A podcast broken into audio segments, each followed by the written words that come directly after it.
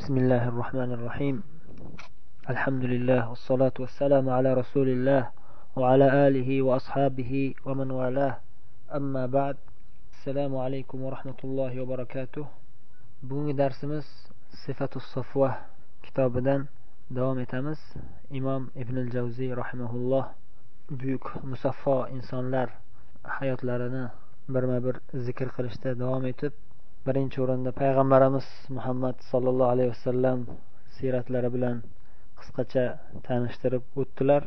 Undan keyin eng buyuk sahobiy islom ummatining payg'ambaridan keyingi eng ulug' insoni eng ulug' mo'mini abu bakr siddiq roziyallohu anhu hayotlari bilan tanishtirdilar. Undan keyin umar ibn xattob roziyallohu anhu bilan tanishdik. U kishining hayotlarini o'qidik. Undan keyin usmon ibn affon roziyallohu anhuning hayotlari bilan ham tanishdik. U kishidan keyin ali ibn abi tolib roziyallohu anhu hayotlarini ham qisqacha o'qib o'tdik. U kishidan keyin tolhat ibn ubaydillah roziyallohu anhuning hayotlari bilan ham tanishib o'tdik. Bugungi darsimiz inshaalloh abu abdullah az zubayr ibn al avvam zubayr ibn avvom roziyallohu anhu hayotlarini qisqacha o'qib o'tamiz. Bu kishi abu abdullah zubayr ibn avvam ibn huvaylid ibn asad ibn abdul uzza ibn qusay ibn kilab quraysh qabilasidan onalari sofiya bint abdul muttolib payg'ambarimiz sollallohu alayhi vasallamning ammalari ya'ni zubayr payg'ambarimiz sollallohu alayhi vasallamga ammavachcha payg'ambarimizning ammalarini o'g'illari. Zubayr roziyallohu anhu ham onalari sofiya roziyallohu anha ham islomni avval qabul qilgan sahobiylardan hisoblanadilar. Islomni birinchi bosqichlarida birinchi kunlarida islomni qabul qilgan buyuk sahobiya sahobiy va onalari ham buyuk sahobiya roziyallohu anhum. Islomga kirganlarida zubayr roziyallohu anhu sakkiz yoshda bo'lganlar ba'zi rivoyatlarda o'n olti yoshda deyilgan lekin ko'proq rivoyatlarda aytilishicha sakkiz yoshda bo'lganlar. Zubayr roziyallohu anhu islomga kirganlarida amakilari u kishini bir to'shakka o'rab u to'shakni ichiga olov tutunlarini kirgizib qiynar ekanlar. Muhammadning dinidan qaytgin deb amakilari qattiq qiynagan ekan. Shunda zubayr roziyallohu anhu islomda sobit qadam turib amakilariga qarata aytarkanlarki kufrga aslo men qaytmayman deb qat'iy javob berar ekanlar musulmonlarga qiynoqlar qattiqlashib makka mushriklarining tug'yoni haddan oshib ketganda rasululloh sollallohu alayhi vasallam bilasizlar habashistonga hijrat qilishga da'vat qiladilar. Habashiston podshohi adolatli podshoh o'shanga borsanglar to bizga alloh taolo nusrat bergunga qadar diningizni o'sha yerda salomat saqlab tura olasiz deb da'vat qilganlarida musulmonlardan bir qanchalari o'sha makkada qattiq azobga duchor bo'lgan qattiq qiynoqlarda qiynalgan musulmonlar habashistonga hijrat qilishgan va bir marta hijrat qilingan bir necha yil o'tib makka ahli islomga kiribdi degan mish mish xabar tarqalib ahli habashistonga hijrat qilganlar bunga ishonishib qaytib kelishadi. Qarashsa yolg'on xabar bo'ladi. Aksincha makka mushriklari battar tug'yonga ketgan bo'ladi. Yana qaytadan ikkinchi marotaba hijrat qilishadi yana habashistonga. Mana shu ikkita hijratda ham zubay roziyallohu anhu qatnashganlar. Ikkita hijrat qilgan sahobiylardan habashistonga ikki marta hijrat qilgan sahobiylardan undan keyin payg'ambarimiz sollallohu alayhi vasallam makkada o'n uch yil da'vat qilganlaridan keyin makka ahlining tug'yoni haddan oshib umuman islomga yo'l qo'yilmagandan keyin madinaga hijrat qilganlarini ma'lum. Madinaga hijrat qilganlaridan keyin zubayr roziyallohu anhu ham habashistondan qaytib madinaga hijrat qilib keladilar. Madinaga hijrat qilib kelganlaridan keyin zubayr roziyallohu anhu rasululloh sollallohu alayhi vasallamning yonlarida doim birga bo'lib biron bir g'azovatlardan biron bir jihod g'azovatlardan orqada qolmaganlar. Barcha janglarda qatnashganlar. Zubayr roziyallohu anhu olloh yo'lida birinchi bo'lib qilich ko'targan kishi deb laqablanadilar. Buning tafsiloti birozdan keyin keladi. Zubayr roziyallohu anhu juda ham shijoatli baquvvat inson bo'lganlar. Badr jangida sariq rangli belbog'larini bog'lab islom lashkarlarining o'ng tarafida turib jihod qilganlar. Mujohidlarni badrdagi sahobiy ikromlar jihod qilishayotganda rasululloh sollallohu alayhi vasallam ularni tartiblaganlarida zubayr roziyallohu anhu o'ng tarafdagi qismga tushganlar. Zubayr roziyallohu anhu ana shu jangda juda shijoat bilan jihod qilganlari va e, o'zlariga bir sariq rangli belbog' bog'laganlari kofirlarni qo'rqitadigan bir ko'rinish bo'lgan. Shuning uchun ham mm, mana shu uh, jangda alloh taolo alloh subhanava taolo sonlari ham moddiy kuchlari ham zaif bo'lgan musulmonlarga nusrat berish uchun musulmonlarning qalblarini sobit qadam qilish uchun maloyikalar yuboradi. Shu maloyikalar zubayr roziyallohu anhuning ko'rinishlarida zubayr roziyallohu anhuning qiyofalarida kiyimlariga o'xshagan kiyim bilan tushgan ekan. Toki mushriklarni qattiq qo'rqitish uchun va shu bilan birga bu zubayr roziyallohu anhuga bu katta bir sharaf. Maloikalar shu zubayr roziyallohu anhu shaklida tushishligi bu juda ham katta buyuk sharaf. Uhud jangida esa zubayr roziyallohu anhu payg'ambarimiz sollallohu alayhi vasallam bilan birga sobit qadam turib jon chiqqunga qadar jihod qilishga bayat berganlar. Man o'lguncha urushaman ey rasululloh deb bayat berganlar. Bu yerda muallif rahimaulloh zubayr roziyallohu anhuni ba'zi bir e, farzandlarini zikr qilib o'tyaptilar.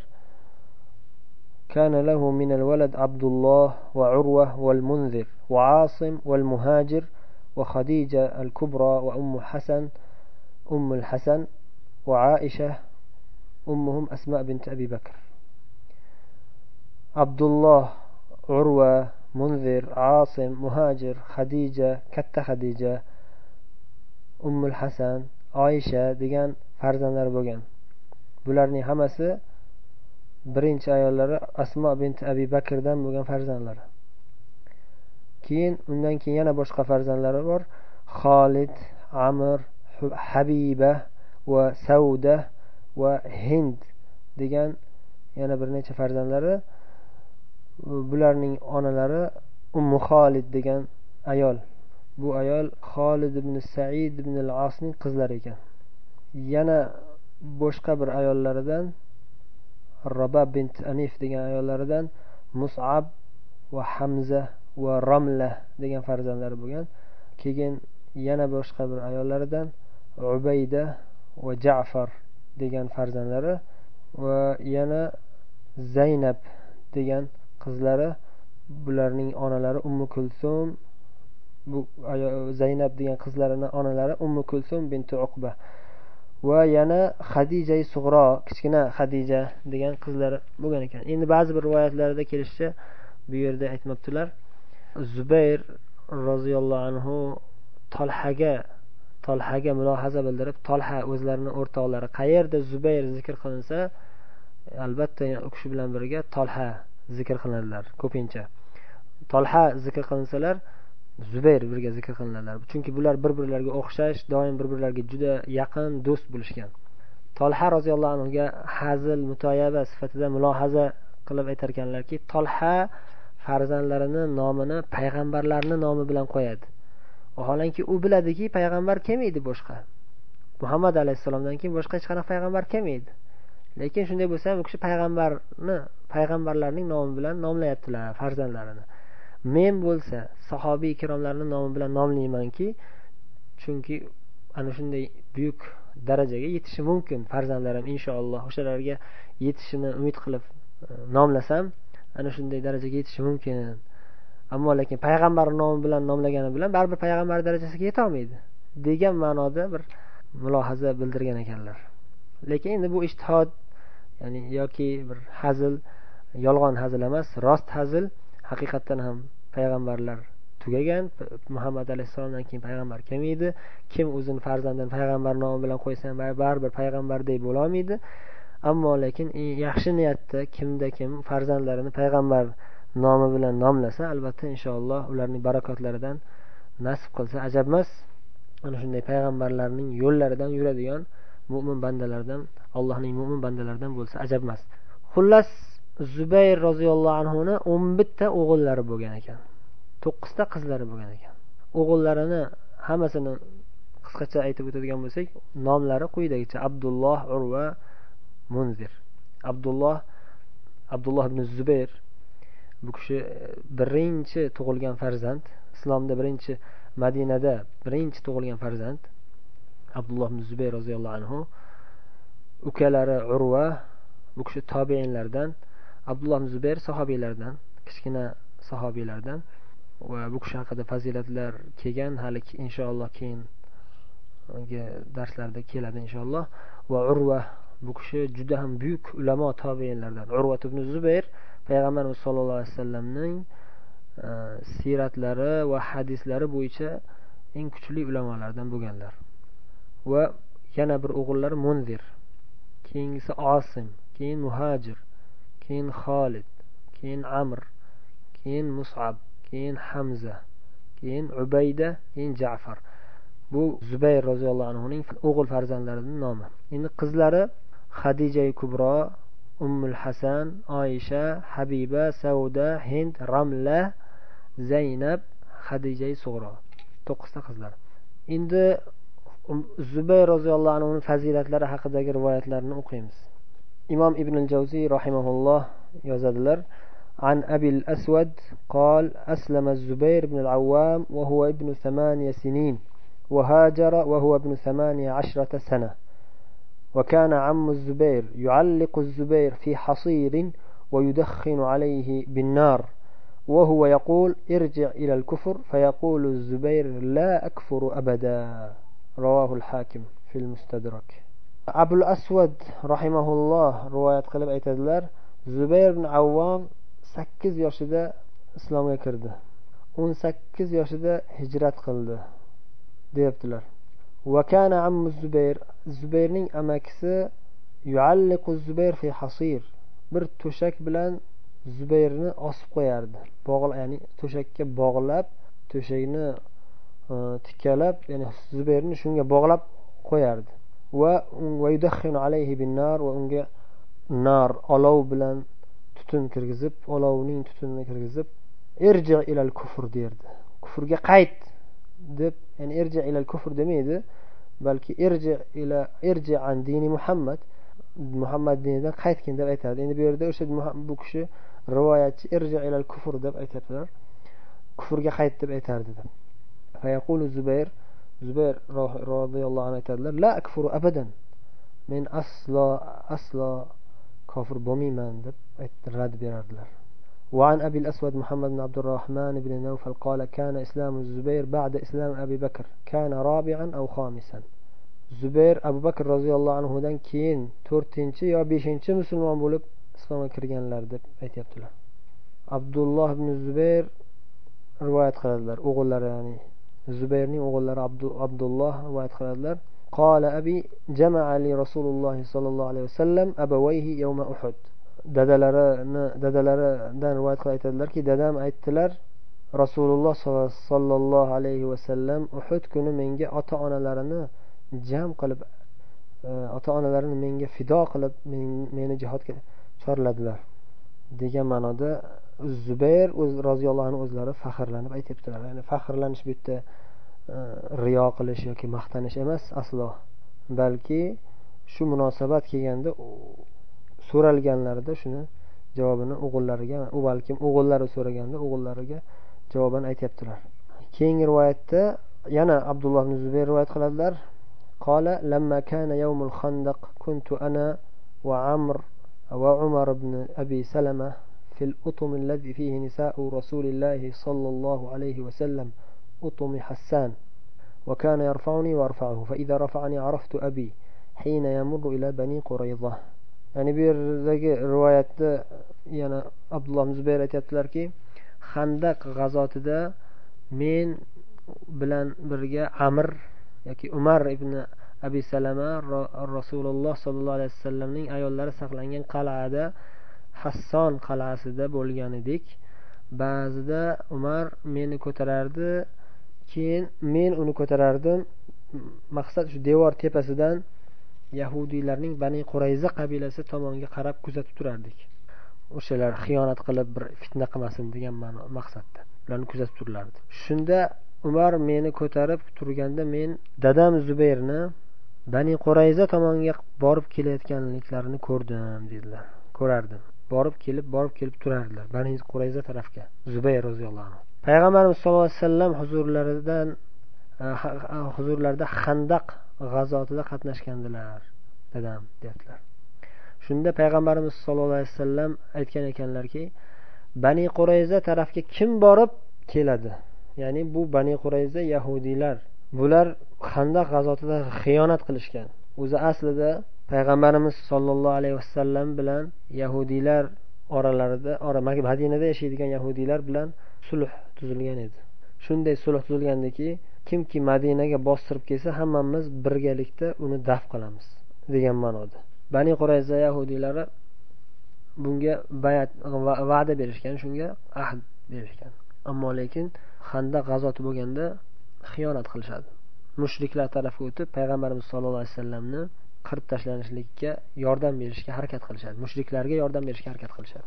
Shuning uchun rasululloh sollallohu alayhi vasallam bu yaramas xoin qabila tarafiga borib ularni kuzatib ular nima qilyapti nima qanday tayyorgarlik ko'ryapti deb kuzatib turishga albatta bir shijoatli qo'rqmaydigan odam kerak. O'shaning uchun kim boradi deb aytyaptilar. Hech kim majburlamoqchi emaslar chunki bu juda ham xatarli katta mas'uliyat. Borsa o'ldirilishi mumkin o'sha tarafga yaqinlashsa shunday bir qattiq qo'rquv bo'lib turgan paytda kimdir borish kerak baribir. Bormasa birdaniga bir xiyonat qilishib ular payg'ambarimiz sollallohu alayhi vasallam handaq bu yoqda koylangan tarafda madinani qo'riqlab turishgan paytda ular shundan foydalanib orqa tarafdan ichkariga kirib yahudiy bani qurayzalar ichkariga kirib payg'ambarimiz ayollariga tajovuz qilish xavfi juda katta. O'shaning uchun e, bormasa bo'lmaydi. Bir kishi borib kuzatib turishi kerak borib kelib turishi kerak. Shunda juda ham xatarli bo'lsa ham kim boradi degan ma'noda payg'ambarimiz chaqirdilar. Kim boradi deb.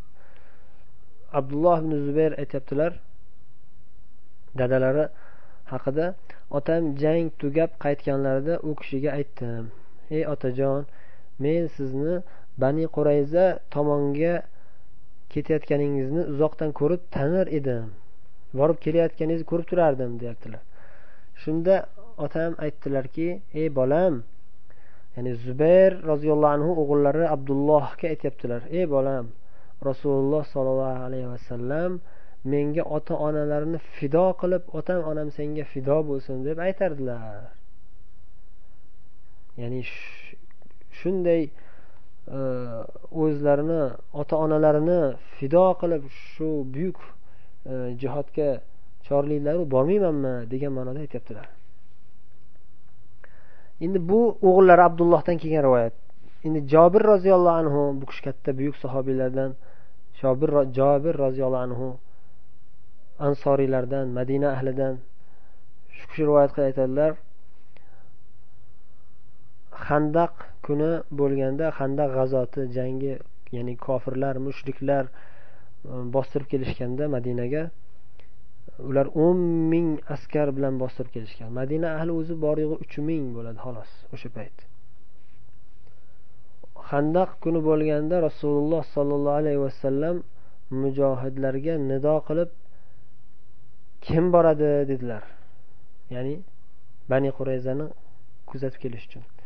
Shunda zubay roziyallohu anhu o'rinlaridan turib men dedilar. Payg'ambarimiz sollallohu alayhi vasallam qaytadan yana nido qildilar. Kim boradi? dedilar. Shunda yana zubayr o'rinlaridan turib men dedilar. Payg'ambarimiz sollallohu alayhi vasallam uchinchi marotaba so'radilar kim boradi? dedilar. Shunda zubayr roziyallohu anhu yana qayta turib men dedilar. Qayta qayta uch marta men men deyaptilar men boray deyaptilar shunda payg'ambarimiz sollallohu alayhi vasallam aytdilarki har bir payg'ambarning havoriysi bo'lgan. Mening havoriyim zubayrdir dedilar. Ya'ni havoriy payg'ambarga eng yaqin payg'ambarni qo'riqchisi ya'ni himoyachisi degan ma'noda ya'ni. Said ibn musayyib rahimaulloh bu kishi buyuk tobeinlardan said ibn musayyib rahimaulloh aytadilar olloh yo'lida birinchi bo'lib qilich ko'targan kishi zubayr zubayr ibn al avvam أول من سل سيفا في سبيل الله الزبير بن العوام بين هو بمكة إذ سمع نغمة يعني صوتا أن النبي صلى الله عليه وسلم قد قتل فخرج عريانا ما عليه شيء في يده السيف صلتا فتلقاه النبي صلى الله عليه وسلم said ibn musayib rahimaulloh aytyaptilar alloh yo'lida birinchi bo'lib qilich ko'targan kishi zubayr ibn avvomdir. Chunki u kishi bir kuni makkada ya'ni makka davrida hali madinaga hijrat qilinishdan oldin islomning avvalgi yillarida payg'ambarimiz sollallohu alayhi vasallam qatl qilindilar degan mish mishni eshitib qoldilar. Shunday bir mish mish xavfli achinarli bir mish mishni eshitdilarda darhol o'sha zahotiyoq shoshilib qilichlarini ko'targan hollarida ko'chaga otilib chiqdilar. Ya'ni qilichlarini ko'tarib juda qattiq g'azab bilan kim ekan bu payg'ambarimizga qo'l ko'targan payg'ambarimizni o'ldirmoqchi bo'lgan kimsa deb ko'tarib qilichlarini ko'tarib shoshilib chiqdilar. Ko'chada rasululloh sollallohu alayhi vasallam bilan uchrashib qoldilar. Ya'ni bu gap mish mish yolg'on edi. Shunda payg'ambarimiz sallallohu alayhi vasallam zubayrni bunday holda ko'rib hayron bo'lib nima bo'ldi sizga ey zubayr dedilar. Shunda zubayr javob qildilar sizni qatl qilishibdi degan mish mish eshitib qoluvdim dedilar. Payg'ambarimiz sallallohu alayhi vasallam so'radilar agar shu mish mish to'g'ri bo'lib qolganda to'g'ri bo'lib chiqqanda nima qilardingiz? Zubayr javob qildilar aradtu vallohi an asta'rida ahla makka. Makka ahlini bittama bitta oldindan o'tkazmoqchi edim. Payg'ambarimiz sollallohu alayhi vasallam zubayr roziyallohu anhuning olloh yo'lidagi bunday buyuk shijoatlarni ko'rib xursand bo'ldilar va kishining haqqilariga duoi xayr qildilar. Bu yuqoridagi rivoyatlar zubayrning shijoatlari haqida edi. Endi zubayr roziyallohu anhuning juda ham saxovatli inson bor mol mulklarni alloh yo'lida xayr ehson qilib tashlaydigan saxovatli insonliklari haqidagi kelgan ba'zi bir rivoyatlarni bu yerda keltiryaptilar. Imom ibn javziy rahimaulloh قال عن نهيك قال كان للزبير ألف مملوك يؤدون الضريبة لا يدخل بيت مال لا يدخل بيت ماله منها درهم يقول يتصدق بها وفي رواية أخرى كان يقسمه كل ليلة ثم يقوم إلى منزله ليس معه منه شيء نهيك Э, rahimaulloh aytadilar zubayr roziyallohu anhuning mingta qullari bor edi. Mingta qullari bor edi zubayrni. Shu mingta qul zubayrning mollarini aylantirib tijorat qilishardi. Zubayr roziyallohu anhuni boyliklarini shaharlar oro yurib tijorat qilib yurishardi.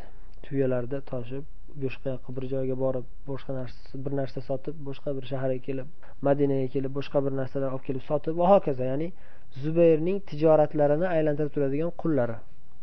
Shunda ana shu tijoratlaridan kelib turadigan to'xtamasdan kelib turadigan foydalarini olib kelib topshirishayotganda topshirishganda zubayr roziyallohu anhu qo'llariga tushayotgan ana shu boyliklarni uylariga kiritmasdan turib uylariga olib kirmasdan kelishi bilan shunday tarqatib xayr ehson qilib yuborardilar.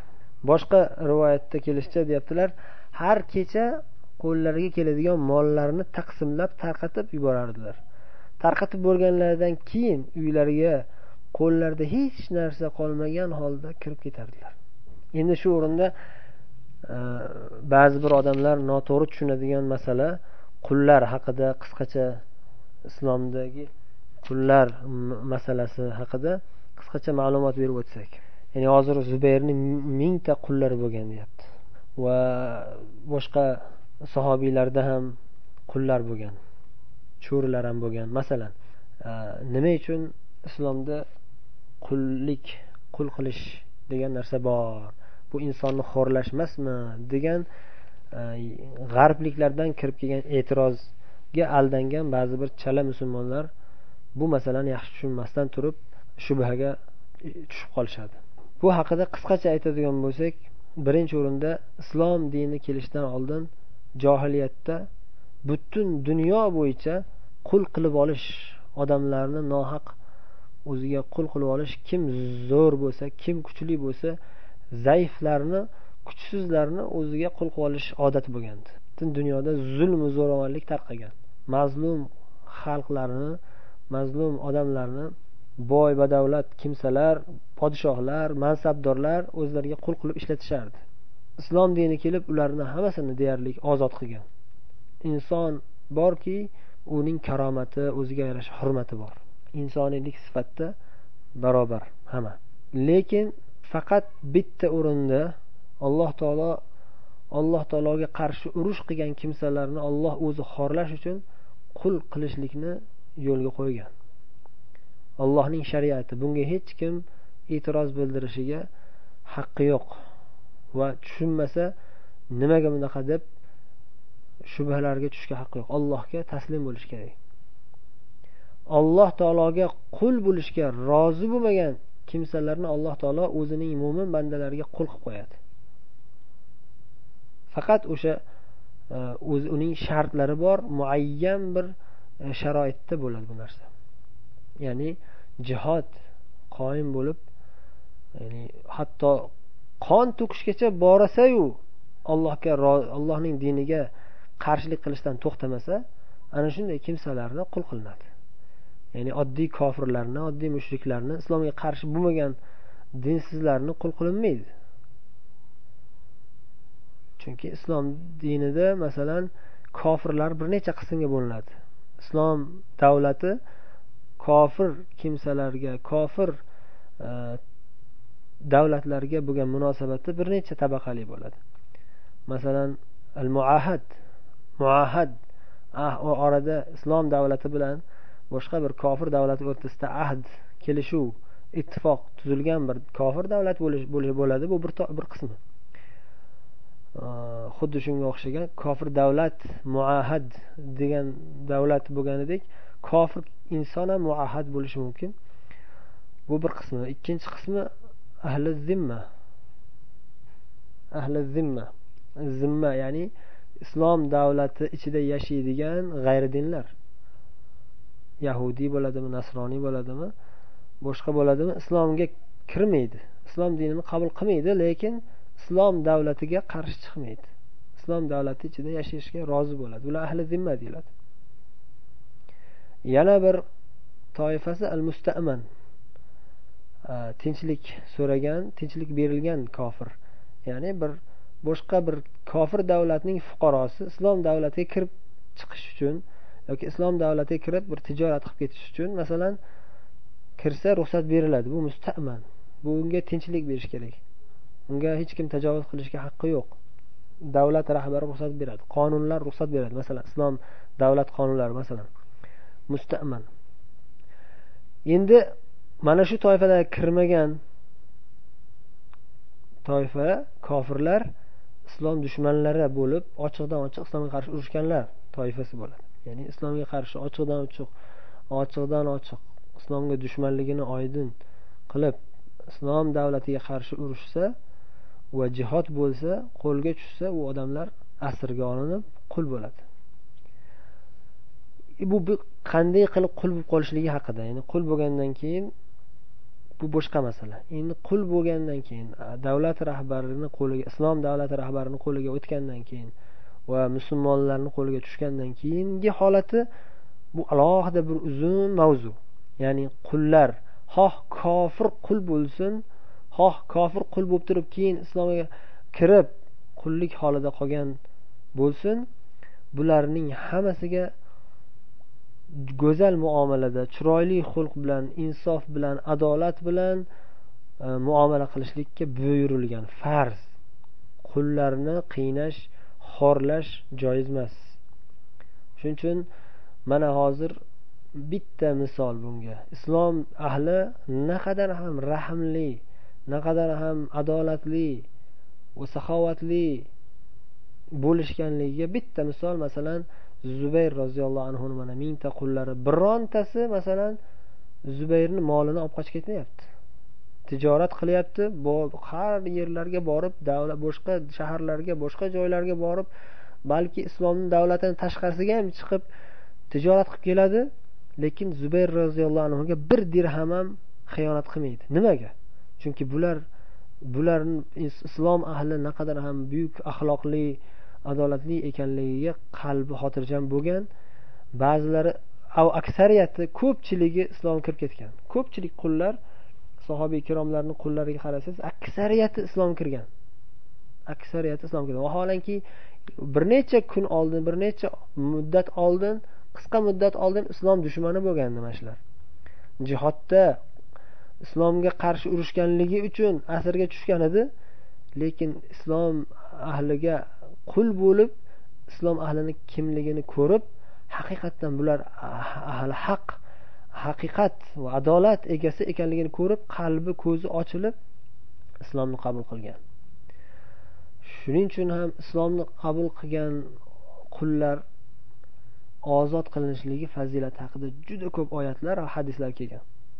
Islomni qabul qilgan qullar ozod qilib yuboriladi alloh taolo shunday shariatlarni hukmlarni chiqardiki qarasangiz qul ozod qilish. Tahriru raqabati mu'mina. Mo'min qulni ozod qilish deb ko'p oyatlarda keladi va hadislarda keladi. Va hatto ba'zi bir holatlarda mo'min bo'lmagan qullarni ham ozod qilinadi balki ozod qilinishlikka qiziqtiriladi. Savobli ish bo'ladi. Agar islomni manfaatiga islomni foydasiga bo'ladigan bo'lsa albatta o'shalarni ozod qilish kerak bo'ladi. Hatto musulmon bo'lmasa ham. Agar uni ozod qilish ortidan islomga zarar kelish xavfi bo'lmasa islomga zarar keltirish xavfi bo'lmasa ozod qilib yuboriladi faqat bu mujohid kishi yoki mujohiddan boshqa bir oddiy musulmon sotib olgan bo'lsa pul o'z puliga sotib olgan bo'lsa bu qulni uni hech kim majburlolmaydi san bu, bu qulni ozod qilgin deb. Chunki olloh bunga bergan huquq bu.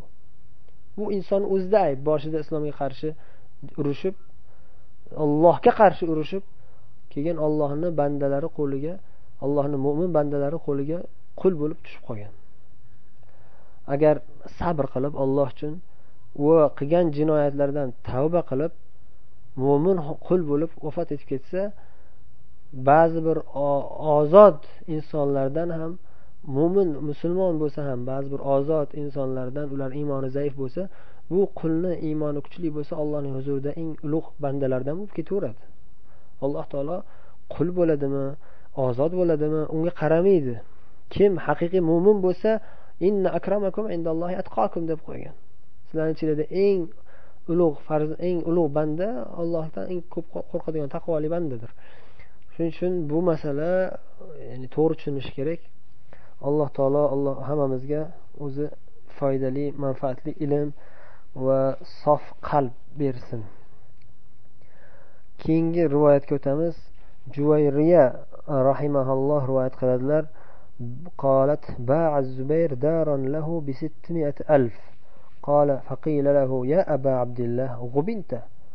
قال كلا والله لتعلمن أني لم أغبن. هي في سبيل الله. Zubayr roziyallohu anhu hovlilardan bir hovlini olti yuz ming dirhamga sotib yubordilar shunda u kishiga ba'zi bir yaqinlari aytishdiki ey abu abdulloh ya'ni zubayrga aytishyapti siz aldandingiz ya'ni olti yuz mingga bu arzon juda arzonga sotib yubordingiz shunda zubayr roziyallohu anhu aytdilarki aslo yo'q aldanganim yo'q men. Qasam ollohgaki yaqinda bilasizlar men aldanmaganligimni bilasizlar. Bu olti yuz ming dirham hammasi olloh yo'lida sadaqa dedilar.